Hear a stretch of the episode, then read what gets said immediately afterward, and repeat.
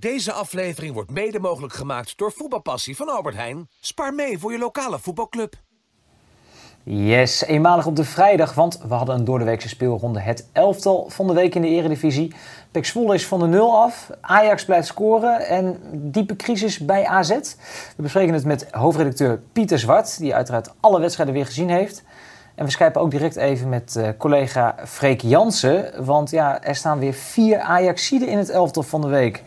Freek, um, kun je mij heel even vertellen hoe dat kan, dat er weer vier Ajaxiden in het elftal staan?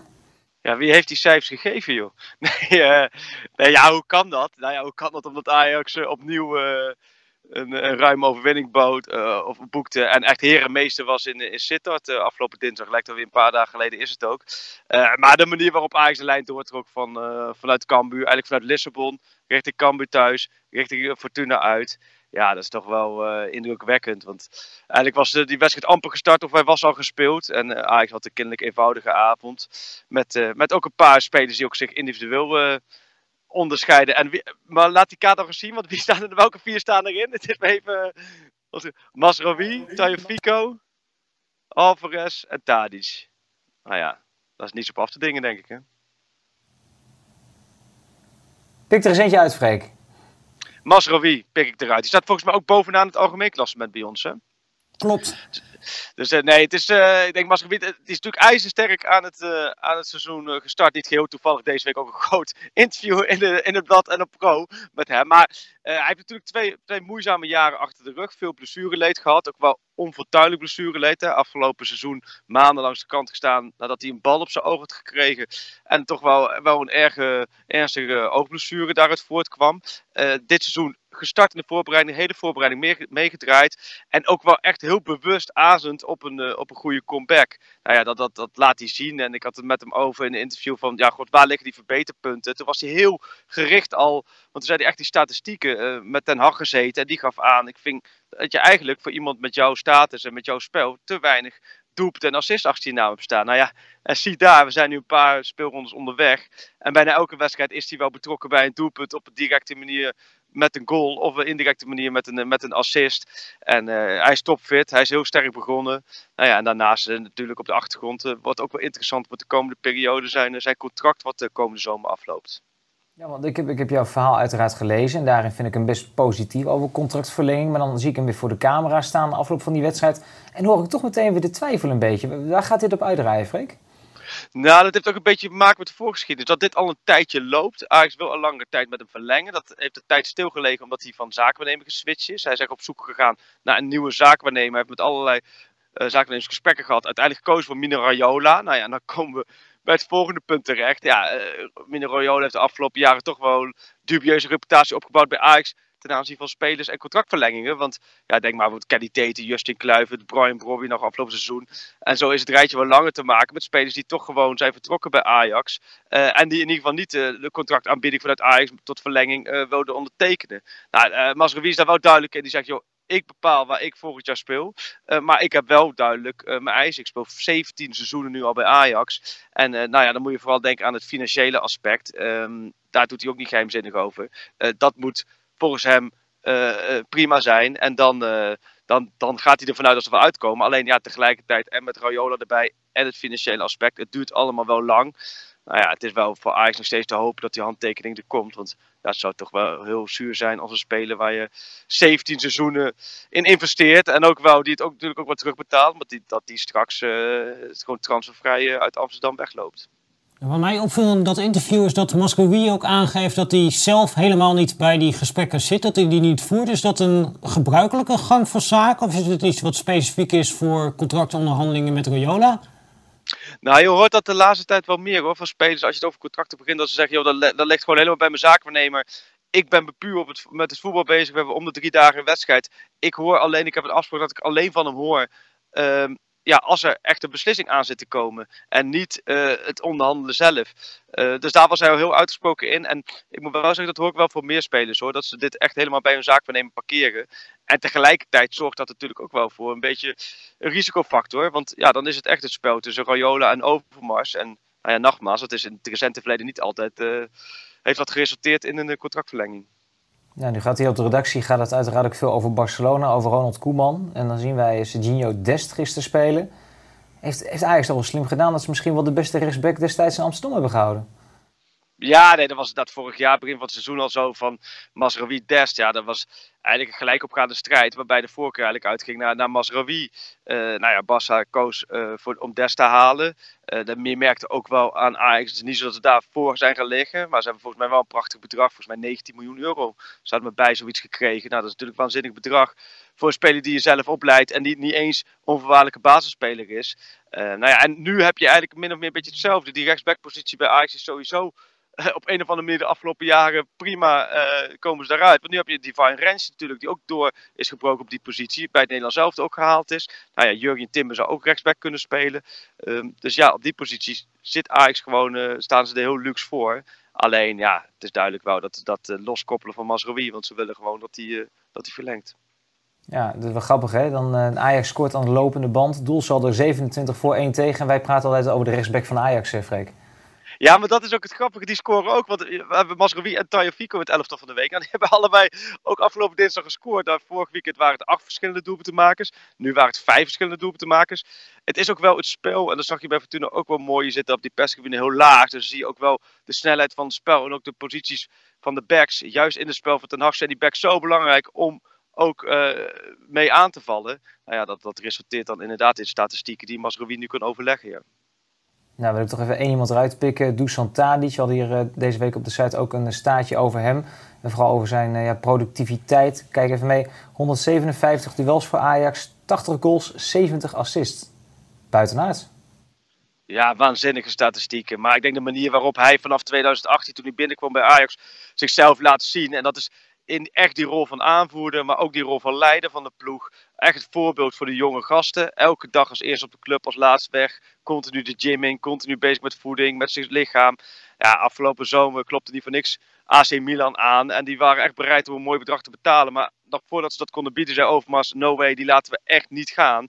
Uh, dat geven we ook aan uh, hoezeer de clubleiding van Ajax en ook Den Haag het belang van Tadic in de groep zien. Nou ja, en die statistieken, ja, wat je aangeeft, het rendement is ongekend. En of het nou tegen Fortuna is, of het is in de Champions League en of hij dan in de spits staat of als buitenspeler. Altijd maar op jacht naar assists, naar doelpunten. En uh, nou ja, op die manier denk ik wel dat hij ja, echt tot grote hoogte is gestegen in Amsterdam. Ja. Ja, we zullen zo meteen nog even de 14 doelpunten van Ajax de afgelopen twee wedstrijden laten zien. Uh, maar Freek, uh, ja, dit weekend gewoon weer eredivisie voetbal voor Ajax. ja, dat, de, de, de, vraag is niet meer of ze winnen, maar met hoeveel. Ja, ja. Nee, daar heb je wel gelijk. Het neigt ook wel weer gelijk een beetje naar de Amsterdamse arrogantie. Maar op basis van de afgelopen anderhalve week uh, is dat logische vraag. Nu ben ik wel bijvoorbeeld benieuwd morgenavond. Je, ziet, je zag het ook toen ze tegen Pek Zwolle speelden laatst. Dat was 2-0, was ook een moeizame wedstrijd. Ook omdat daar kort achteraan kwam Lissabon voor de Champions League uit. En nu spelen ze morgenavond tegen Groningen thuis. Komende dinsdag is Besiktas thuis. Daar zal ongetwijfeld al de aandacht een beetje naartoe gaan. Hoe Ten Hag het ook niet wil, maar dat, dat gebeurt automatisch. Nou ja, en dan is Groningen wel een tegenstander die in de afgelopen jaren het Ajax vaak lastig heeft gemaakt. Sowieso in Groningen. Maar ook in de arena weten we nog wel genoeg potjes voor de geest te halen. Dat Ajax echt wel tot het laatst vol gas moest blijven geven om Groningen af te schudden. Dus ja, ik ben benieuwd en ik hoop dat, uh, dat, dat Danny Buis met de plan komt uh, om het te ontregelen. Dat, dat je wel weer een echte wedstrijd ziet. Uh, want de afgelopen wedstrijden ging het wel heel makkelijk voor Ajax. Ja. Nou, dat vind ik leuk dat je zegt. Hopen dat Danny Buis met een plan komt. Ga ik toch het bruggetje maar even maken. Wij werken al een paar weken samen met Albert Heijn. We zijn druk bezig om de amateurclubs in Nederland te helpen. Als je boodschappen doet, kun je eigenlijk je eigen amateurclubje helpen. Jij bent trainer van de amateurclub, Freek Jansen. Ja. Hoe zou jij met jouw elftal Ajax uh, aanvallen? Nou, met z'n allen op de doellijn gaan staan. Met z'n elf, nee, met z'n tienen en de keeper ervoor. En, en omdraaien. Nee ja. nee, ja, dat is niet te doen. Wij, wij spelen de vierde klasse in, uh, hier in Leiden op de zaterdagmiddag. En dan hebben we al moeite om een, om een vierde klasse af te schudden. Dus dat is een utopie om wat te denken. Maar morgen begint het weer. Hè? Morgen gaat het amateurvoetbal weer helemaal los met competitievoetbal. Sinds nou ja, ongeveer twaalf maanden stilgestaan. Volgens mij het eerste weekend van oktober was vorig jaar voor het laatst. Ja, nou, dat is volgens mij inderdaad voetbalpassie ten top. En ik zag het filmpje van Danny Koevermans ook voorbij komen deze week. Ja, volgens mij is dat wel een, een feest van herkenning voor iedereen die dit weekend weer uh, de voetbalschoenen aan, uh, aantrekt. Op welk niveau ook. Om, uh, om lekker met ook nog eens mooi weer je eerste competitieweekend te beleven. Ja. Nou, maar neem even mee in jouw voorbereiding, want ik weet, je bent, je bent trainer, je bent een paar jaar geleden gestopt vanwege slechte knieën, maar ik sprak je van de week, je hebt stiekem je voetbalschoenen gewoon weer in je tas zitten. Het, het, blijft kriebelen, Freek, het blijft het mooiste wat er is. Ja, ik, ik heb vanochtend ook de opstelling gemaakt voor, voor morgenmiddag. Ja, en de trainer Freek Jans heeft toch de speler Freek Jans even in de basis gezet hoor. Maar dat, dat zou je ook niet verbazen. Nee, het blijft toch kriebelen. En ik moet zeggen, door corona, en dat merk je om je heen ook wel bij iedereen. Ik zag dat het persbericht van de KNVB, volgens mij dat er duizend teams minder zijn in competitieverband dan uh, vorig jaar. Dat heeft natuurlijk met corona te maken, dat mensen ook wel naar andere vrije tijdsbesteding. Maar je merkt wel de mensen die allemaal zijn doorgegaan, echt de pure liefde voor het amateurvoetbal, ja, dat komt omhoog. En dat is morgen natuurlijk ook zo op die velden hier in, in, Leiden natuurlijk ook. Dat je overal waar je rijdt, zie je die amateurvelden bezet met, met spelertjes, met, met ouders langs de lijn. Uh, smiddags de eerste elftal, waar dan weer de jeugdspelers blijven hangen om dat te kijken. Ja, dat is hier niet anders en dat zal van noord tot zuid en van oost tot west niet anders zijn. En die voetbalpassie dit weekend, ik denk dat dat wel voor heel veel plezier overal uh, gaat leveren. En, en we sparen natuurlijk hè, bij Albertijn. Niet te vergeten om dat ook te noemen.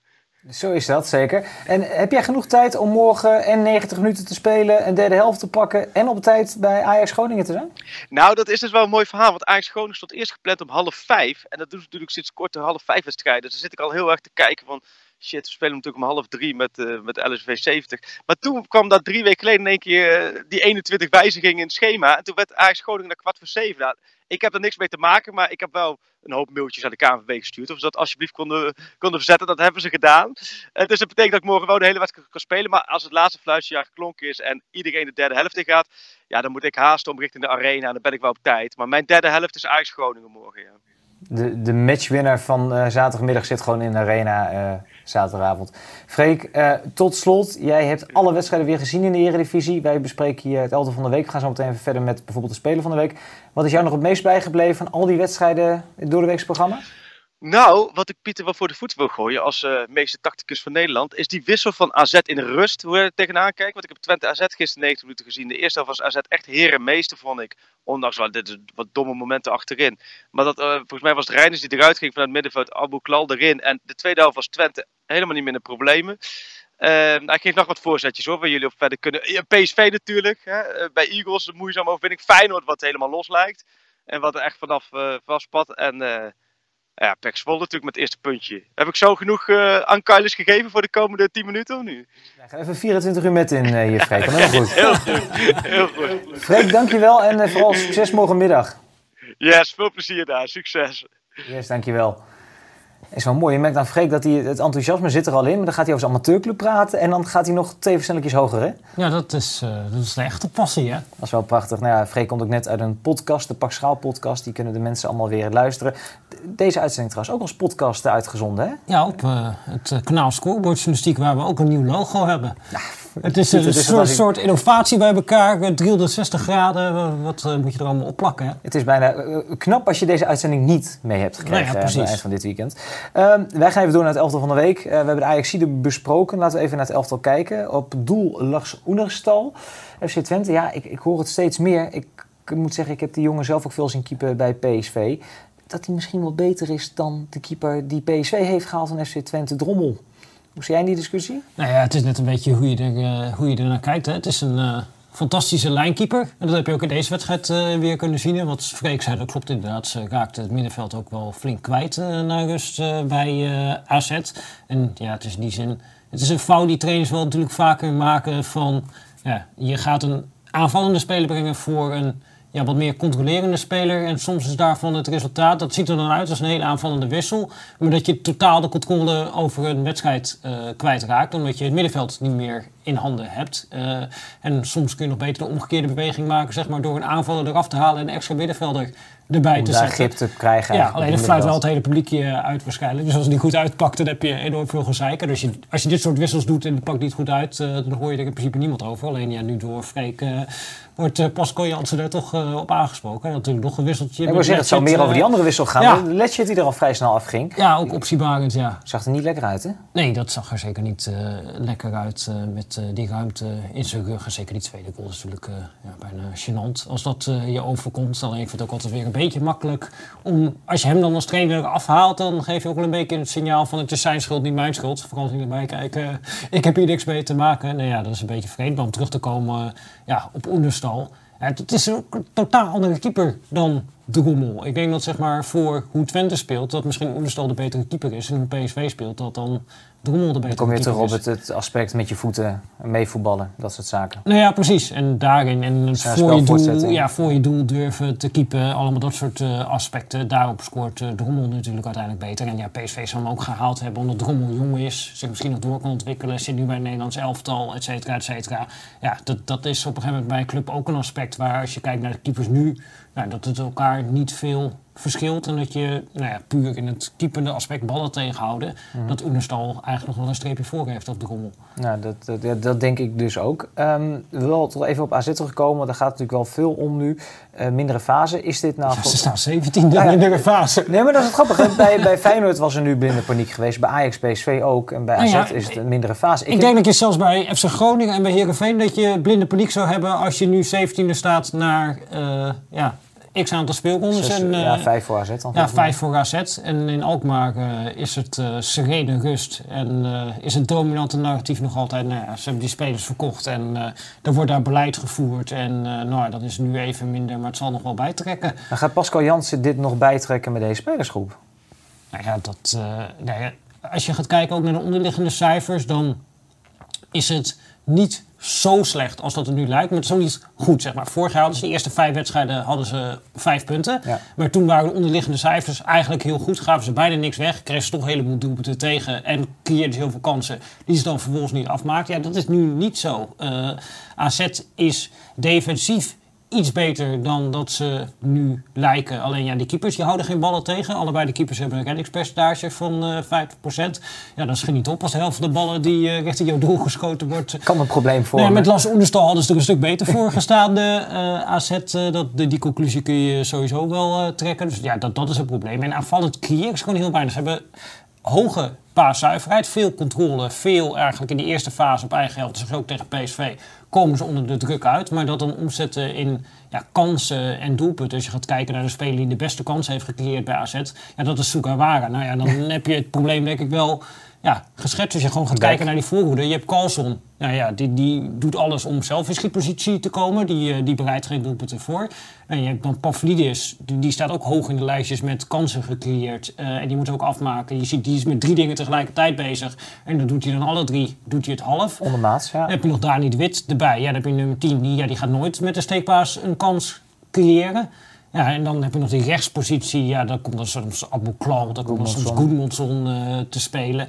Ja, dat is ook allemaal niet ja, de spelers eh, die dat dan brengen voor AZ. Het is duidelijk dat dit elftal is nog niet eh, in elkaar gevallen. En ja, 17e plek, het is wel een hele zorgwekkende situatie voor AZ waar ze nu zich in bevinden. Helemaal als je in oogschouw neemt dat ze de komende tijd nog gewoon dat dubbele programma houden. Waarvan ze ook nog niet eh, blijk hebben gegeven dat ze dat goed aan kunnen op dit moment. Nee, nee, en dan heb je nog te maken met Letchert die niet heel gelukkig zal zijn. Dan eh, hebben ze nog een schorsing te pakken. Eh, succes, Go Ahead Eagles, zondag als ik mij niet vergis, thuiswedstrijd. Gaan we verder naar het elftal van de week.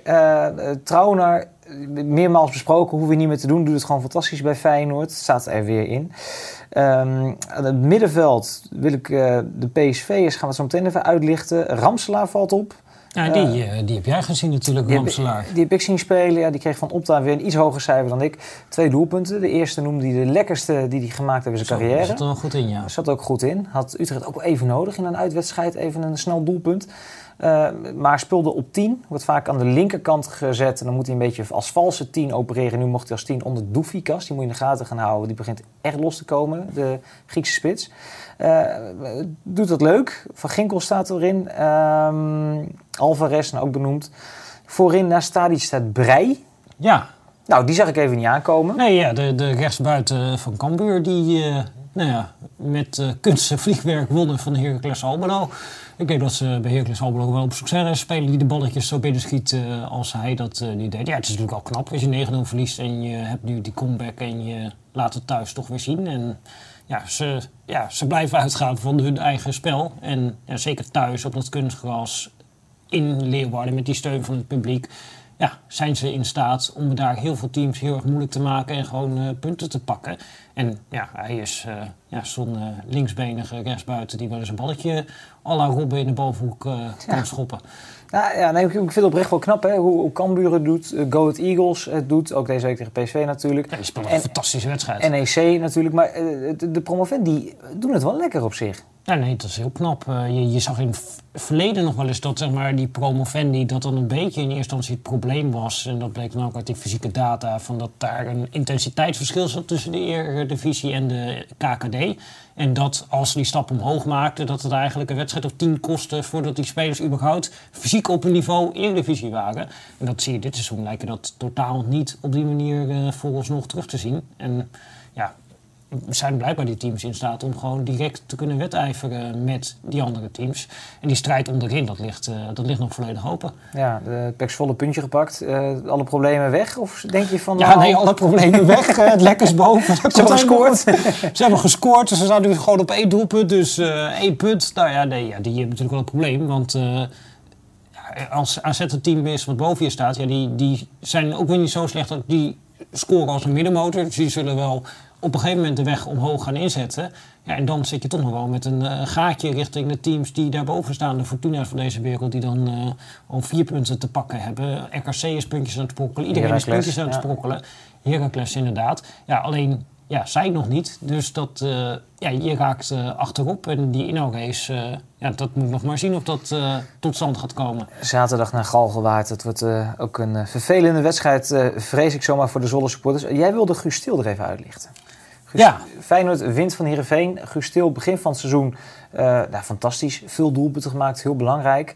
Ja, um, nog een hat tegen uh, FC uh, Drita. Drita, jij hebt hem nog paraat, heel goed. Never forget. Never forget, zo is dat.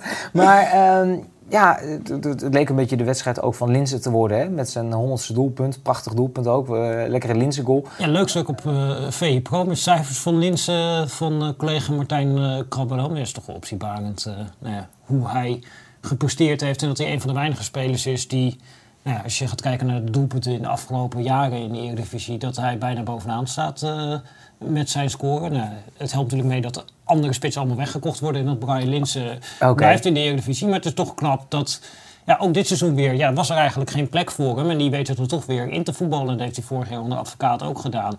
En ja, iedere keer is hij toch weer in staat om een stapje hoger uh, te doen ja, dat is toch buitengewoon knap. Maar oké, okay, knap van Brian Linsen. Maar wat is het, de meerwaarde van... Oh, ik krijg doelpunt nog even te zien, is wel lekker hè? Dat is wel een lekker goaltje, ja. Hij is wel... Hij, hij is, ja, Bram van Polen zou zeggen, hij is wel geld voor de goal. Ja, nou ja, dit is ook een bepaald uh, gevoel wat je dan nog wel uh, moet hebben in die 16. Dat heeft natuurlijk ook met zijn uh, kopdoelpunt. hij heeft ja, toch een enorm gevoel voor op de juiste plaats staan. In combinatie met ja, het arbeidsethos wat hij er nog eens tegenaan gooit. Ja, uh, dat is, het is NN, dat, dat bezit hij. Maar Guus Stil wil er even uitlichten. Want ja. uh, zien we als een, als een nuttige middenvelder. Uh, Arne Slot gebruikt hem tegen PSV als, als valse spits, zeg maar. Daar zagen we minder aan de bal, maar was hij erg nuttig. hoe zie jij zijn eerste periode bij Feyenoord nu? Nou ja, hij is gewoon direct van grote waarde geweest natuurlijk voor dit Feyenoord. En hij past helemaal bij het voetbal zoals Arne Slot het voor zich ziet. Met ja, twee controlerende middenvelders. En dan wil hij een ja, lopende tiende voor. Nou, ergens ik nog kunnen zeggen, het is een beetje indicatief voor het uh, ja, gebrek aan visie. Nou, dit is natuurlijk wel echt een klassiek Feyenoord doelpunt onder uh, Arne Slot met de teruggetrokken voorzet. Daar hebben ze ook de meeste van gegeven in de Eredivisie. Moet je als tegenstander uh, op een gegeven moment er ook wel een beetje weten? Ja, Nee, ja, klopt. Alleen dat gebeurt natuurlijk wel vanuit beweging. Nou ja, die aan de binnenkant komt. En dan, ja, je ziet die verdedigers lopen achteruit. En niemand heeft eigenlijk door dat Gustil uh, daar gaat lopen. Maar ik moest, meteen denk, ik moest meteen denken aan die goal van Toornstra. Ja, nou, het is een vergelijkbaar doelpunt. En ja, hier uh, ja, komt hij deze toch wel vrij binnen naar in eerste instantie uh, afgeslagen vrije trap. Nou, dat is ook een gevoel wat je moet hebben. Maar zeker die eerste goal, dat is een typisch Gustil doelpunt. En ja, tuurlijk, je moet als tegenstander daar beducht op zijn. Maar je ziet wel dat hij een speler is die ervan profiteert als de tegenstander er even niet beducht van is. Dus je de hele wedstrijd gaat kijken en ook ziet wat voor arbeid hij doet. Want aan de bal is het soms best allemaal slordig en rommelig. En hij is ook geen speler die met de steekpaas een medespeler voor de keeper zet. Maar als je ziet hoeveel energie hij er tegenaan gooit. En als hij een keer een bal kwijtraakt, dat hij ook 50 meter uh, terug sprint. Uh, en ook de arbeid die hij levert. Uh, ja, het is gewoon een speler die iedere wedstrijd 10 à 12 kilometer maakt zijn lopen. meters, hè? Ja, en, de- en dat is toch wel heel belangrijk ja, op deze positie in de manier waarop Slot wil spelen. En dan bijvoorbeeld een andere nummer 10 waarvoor ze veel geld betaald hebben, Frank Antonucci. Ja, die kan die arbeid totaal nog niet eh, leveren. En ja, dan heb je een ander type nodig eh, voor die plek. En wat dat betreft denk ik dat het Feyenoord wel gaat helpen dat in ieder geval nu de speelwijze duidelijk is. Dat het idee is van nou ja, dat gaat ook onafhankelijk van de trainer worden. En dat je niet meer situaties krijgt dat je een speler hebt lopen die dan gekocht is. En dan weer niet past in het plaatje van een volgende trainer die binnenkomt.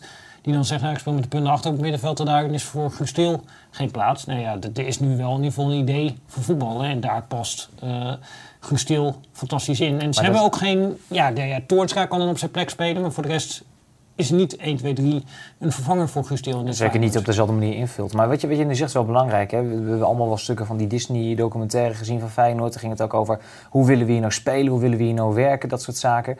Ehm, er wordt nu een nieuwe filosofie neergelegd, een nieuwe filosofie uitgerold. Wat verwacht je ook van bepaalde spelers op bepaalde plekken. Maar gaat een club dan niet ooit de fout maken? Er komt een keer een dag dat Arne Slot vertrekt. Er komt een andere trainer en die wil gewoon weer een lekkere nummer 10, een Mhm. beetje hangend onder de spits. Eh, een keer een steekpaasje en eh 15 doelpunten. Ja, het idee wat er nu is met Feyenoord eh, en waar ze nu mee bezig zijn, is dit allemaal vast te leggen. En het idee is dat ze een visie willen ontwikkelen. En die, dat is nu allemaal op eh, papier gezet van een speelwijze die ja, onafhankelijk is van de trainer. Dat eigenlijk de trainer gezocht wordt bij de speelwijze. Oh. In plaats van eh, dat nou ja, de speelwijze bepaald wordt door de trainer. Dat je, van- dat je van het type dik advocaat naar Arne Slot kan gaan, zeg maar. Nee, ja, precies. Daar, daar willen ze vanaf. En ze willen nu gewoon, ja, als Arne Slot ooit vertrekt, dat er iemand anders komt die vergelijkbaar voetbal speelt als Arne Slot. En dan kan er misschien best een accent zitten in eh, misschien een formatie die je speelt, et cetera, et cetera. Maar de, de spelintenties, de spelprincipes, ja, die moeten dan hetzelfde zijn. En dat maakt ook scouting makkelijk als je ziet voor hoe weinig geld Feyenoord nu spelers heeft gekocht die goed passen ja, binnen dit systeem. Ja, dat helpt ook wel dat je op een gegeven moment weet, oké, zo gaan we spelen. Dan heb ik dit type speler voor nodig. Want zowel een scout die kijkt met zijn ogen als een scout die kijkt naar de data, die kan natuurlijk dan makkelijk zo'n speler vinden. Want als je weet, ja, eh, die nummer 10 die moet 12 kilometer per wedstrijd kunnen lopen, dan kun je zo alle je- spelers uitfilteren die dat niet kunnen. En dan koop je Franco Antonucci niet. Nee, dat is een heel makkelijk spelletje. Eh, wie is het? Eh, is die kaal? Dan, nee, dan kun je ze allemaal zo wegschalen. Zo, zo moet ik ongeveer zien, toch? Nou, zo moet je het ongeveer zien. En dat scheelt dan weer eh, beeldspraak. 2 miljoen. Dat scheelt minimaal 2 miljoen. Wil ik door naar PSV. Ja. PSV eh, krijgt een tik van Feyenoord, eh verliezen met 4-0. Veel kritiek op Roger Smit en zijn wisselbeleid. Gaan de Go Ahead Eagles toe. En dan denk je op voorhand van, nou weet je, dat is dan wel lekker. Hè? Dit was Dat- een slechtere wedstrijd dan de wedstrijd die ze speelden tegen Feyenoord. Ja, maar waren zij zo slecht? Of was Go Ahead Eagles, zoals Roger Smit zei, zo goed? Nou ja, Goat Eagles was ook goed en die moet je daar eh, alle complimenten voor geven. En tegelijkertijd is het zo, ja, we hebben hier dit seizoen geen één keer gezeten dat we met z'n allen zeiden van, ja, eh, was eh, Ajax nou zo slecht of was Fortuna Sittard nou zo goed? Die, die, die trainer loopt Nee. daar van het veld af en die is blij dat het op 5-0 is gebleven. Ik hoor, ik hoor Ulte zeggen van Ajax is wereldtop. Het is precies de andere kant op redeneren dan van wat er bij Go Ahead PSV gebeurt. Nou ja, precies. En PSV heeft ook wedstrijden gespeeld dit seizoen... waar ze dan wel die tegenstander de wil op konden leggen. En ja, eh, dan eigenlijk die overkompelingstactiek hadden... waar ze dan niet eh, onderuit kwamen. En je ziet dat de afgelopen weken ja, is er toch een beetje zand in de machine aan het komen. En ja, dat is deels de verdienste van Go Eagles... wat het fantastisch gedaan heeft. Maar PSV moet wel in staat geacht worden om Go Ahead Eagles gewoon ja, het spelen onmogelijk eh, te maken. En er was één speler die er wat dat betreft eh, met kop en schouders bovenuit stak. eh, en die wel zijn niveau haalde. Dat was Cody Gakpo, natuurlijk helemaal fris. Omdat hij gewisseld was tegen Feyenoord. Een totale meesterzet. Eh nee ja, maar die was bij 10 van de 19 doelpunten, doelpogingen voor PSV tegen Go Ahead was hij betrokken. Ja, eh dribbles, ja, goal, assist met die corner eh, Ja. waar ze dan eh, ook weer uitscoorden. Ook iets waar hij daadwerkelijk dit seizoen een stuk beter in is geworden ten opzichte van eerdere jaren. Ja, dus je ziet dat hij een enorme progressie doormaakt. Hij is volwassen geworden, hè? Ja, en nou ja, je ziet hem ook ja, killer in dit soort situaties. Ja, die diepgang zonder bal dan in deze positie opduiken. Ik zag dat hij er ook over had gesproken met eh Guus Hiddink, die hem had eh, duidelijk gemaakt van ja, je hebt zo'n dribbel, daarmee zo'n wapen. Ja, je moet zorgen dat je dat op de juiste plekken inzet. Ja, en ja, daar wordt bij PSV wel duidelijk aan gewerkt. Je ziet hem ook fase van wedstrijden speelt hij eigenlijk als een eh, spits. Dan nog dichter bij dat doel en dan kan hij met zijn acties positioned zijn. En hij sleept PSV hier in zijn eentje er doorheen en helpt ze aan die drie punten tegen Go Ahead. Ja, maar dan kan ik me voorstellen dat er best wel mensen toch wat, wat zorgelijk naar hebben gekeken, de PSV-supporters. Want ja, als het al zo moeilijk gaat tegen Go Ahead Eagles, dat het echt heel goed deed. Maar dan gaat PSV nog wel meer moeilijke wedstrijden krijgen. Ik sprak collega Marco Timmer, die PSV volgt, die zei... er is ook niet echt een plan B. PSV kan het eigenlijk alleen maar op de manier hoe Smit het wil. Ze hebben ook niet de mogelijkheid om eens rustig een balletje rond te spelen. Om gewoon even wat gas terug te nemen en weer even te herpositioneren. Het is allemaal vol gas, het is allemaal lopen, bewegen, bewegen. Gaat dit PSV nog opbreken dit seizoen? Nou ja, ze hebben het wel natuurlijk ze proberen het dan. Dus ook nu was er wel weer bij rust een omzetting dat ze eigenlijk een extra middenvelder erbij zetten in de hoop zoiets voor controle te krijgen. Nou, dat, dat kwam er eigenlijk niet helemaal uit. Ja, en dat zie je wel terug bij dit PSV. Dat ze willen het op een bepaalde manier doen. En als dat niet lukt, ja, dan wordt het meteen ook heel erg rommelig allemaal. En dan zit je ernaar te kijken en dan denk je, ja, het is niet het voetbal wat makkelijk kijkt. Dan gaat het uh, heel direct alles naar voren en dan zijn ze kwijt. En het, ja, dan krijg je een soort... Uh, ja, hoe, zou je het moeten omschrijven? Het is ja, een soort tafelvoetbal waar het heel snel van de ene naar de andere kant van het veld gaat. En ze zijn hem voortdurend kwijt. En dan rennen ze er weer met z'n allen achteraan. Maar dat kost natuurlijk ook heel veel ja, ontzettend veel kracht en energie. En ja, dat, dat is wel heel moeilijk als je zo een seizoen door moet gaan. Dus ja, die moeten snel weer de draad gaan oppakken en een stijgende lijn laten zien. Want ja, als het iedere week zo moeilijk is als dat het nu tegen Go Ahead was, dan ja, eh, gaat PSV wel een zwaar seizoen tegemoet. Maar we hebben ook gezien dat ze beter kunnen dan dit. En dat, dat zullen ze komend weekend weer moeten laten zien. Ja, natuurlijk ook het tikje van Feyenoord wat je meekrijgt. Daar gaat ook een beetje in de kopie zitten. Veel kritiek van buitenaf. Uh, doet alsof het hem weinig doet. Maar dan zie ik weer de interviewjes uh, vooraf en zo. Dan zie ik toch wel een geïrriteerde trainer, hè? Ja, nou ik denk dat een beetje geïrriteerd was dat hij dan uh, zijn antwoorden niet echt af kon maken. En dat hij ja, niet echt het uit mag leggen van wat is zijn perspectief de reden was voor de keuze die hij gemaakt had. En ja, dan wordt hij continu onderbroken. En dan zegt hij daar wat van. En Smit geïrriteerd. Ja, het is ook een beetje een uh, mediawerkelijkheid die we op die manier natuurlijk uh, creëren. Ja, ik durf je niet te onderbreken nu, anders heb ik het nee, zo nee, tegen ja, precies. Ik pas dan, wel op. dan ben jij de grote schuldige. nee, okay, het zit in beide. Ja, Madueke, dat is natuurlijk wel het voorbeeld. Hè. We hadden het net de redactie ook even over. Er is veel kritiek op het wisselbeleid. En wanneer stel je spelers op en hoe lang laat je ze spelen? Tegelijkertijd, ja, als iemand er geblesseerd van het veld gaat, dan zou je toch bijna zeggen dat Smit misschien wel gelijk heeft met bepaalde ja, belasting hij gaat met een spierblessure af. Dat is vaak een overbelastingsblessure. Uh, Gakpo die komt net terug van een liesblessure, vaak een overlastingsblessure. Uh, Gutsen die moeten nu dan in de rust uh, vanaf. Nou, die blijkt vervolgens ook geblesseerd. Dus ja, uh, blijkbaar zaten ze ook al in ieder geval richting uh, oranje-rood, uh, al die spelers. Ja, tegelijkertijd kun je jezelf wel de vraag stellen van... Ja, goh, hoe kan dat nou? Ze hebben een hele voorbereiding gedraaid. Ze moesten er vroeg staan in die Champions League. Toen leken ze heel erg fit. en dat er nu ja, dat bijna al het beste ervan af lijkt... dat, dat, is, dat is een beetje bevreemdend om daar naar te kijken. Maar goed, ja...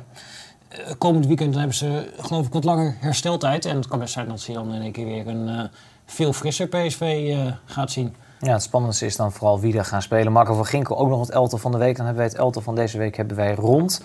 Dan wil ik graag even het programma voor komend weekend erbij pakken. Want ja, maandag mogen we gewoon dit programma weer opnemen, want het gaat vrij snel.